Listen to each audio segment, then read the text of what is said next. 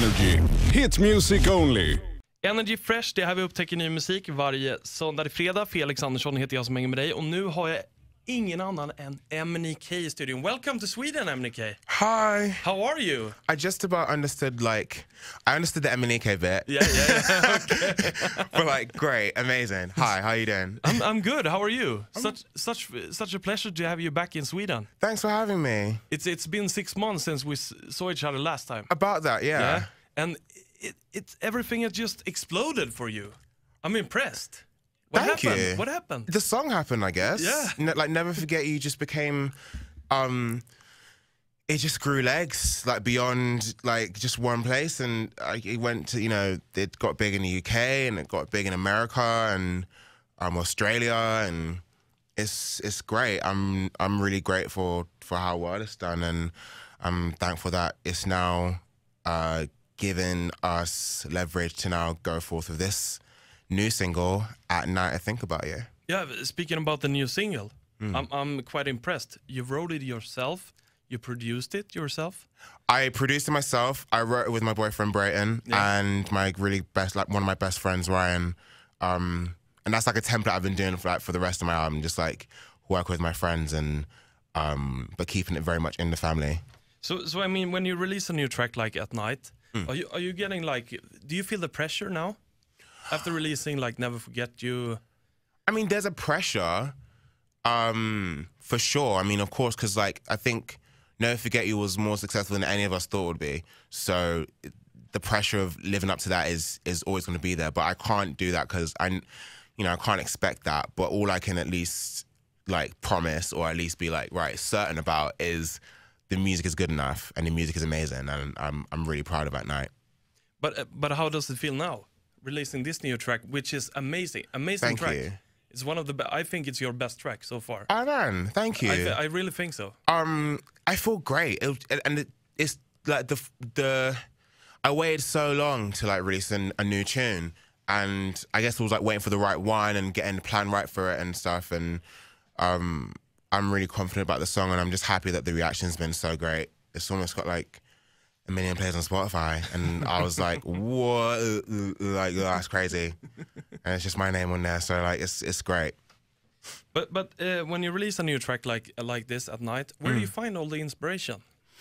I think, I think after Never Forget You, and also like around like a year ago, I, st- I I started the album again. I started my own album again after I released my EP last year, and I guess the inspiration for the album and kind of the the sonic focus of it changed because I got older and also um, I changed my approach, and I just feel like the music is better, and I feel like the music is just so much more me and so much more fun, and you know, it's dance music, but then it's like got like R and B in there, and it's got you know pop influences, and I just get to have fun with it, and it's good, and and this song is no different to that kind of like mentality. You you you already been working with uh, with Diplo, Kylie Minogue, Yeah. and and and Madonna also. If you could choose whoever you want, who who who would you work with? I don't know. I think I think that's a question I'm getting asked like literally. The, the, I think the next interview I have of this will ask the same question, Yeah, and that's yeah. fine. But it's like, I guess I don't have any aspirations in that regard because I just want to like always be surprised, and I always want to have just fun. You know, being like, oh, this is the new artist I'm working with, or this is an established artist that I'm really excited to be in studio with. So, um, yeah, I think I just want to continue to be excited. Because I read something on the internet yesterday actually Okay. about you. You you wrote a song or produced a track for Beyonce's new new album. I co-wrote a Is- song is in it- there. Is it true? yeah, It is. it is true. Wow, how was that? it was really cool. I mean, it was.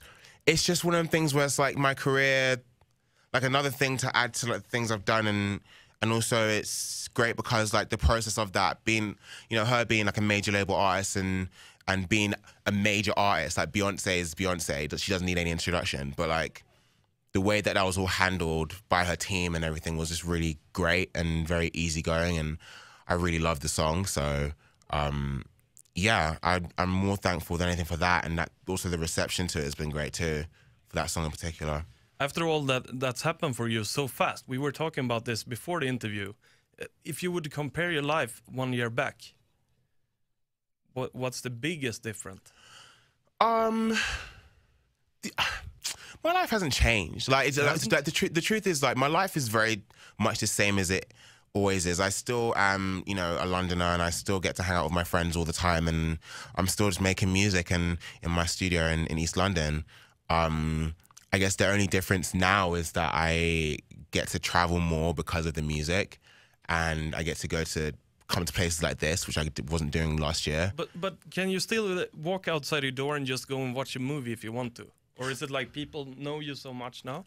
I get noticed from time to time, but I mean, I you know, I I get to live my life. So I mean, that's something I'm really happy for. But it's almost like one of the things where it's like, if it's happening, if it means that like if I can't go to like a 7-Eleven or something or or Sainsbury's, um, without being hounded, then it means I'm doing something right. But then at the same time, it's like I can't go to Sainsbury's or 7-Eleven without being hounded. so I don't know. I mean, I'm just I'm just happy that the music is growing at a good pace and that people are enjoying it, um, and that and, I- and that I'm enjoying it too. So yeah, But do you gonna release a music video for this new track at night? yes. And can you say something secret about that?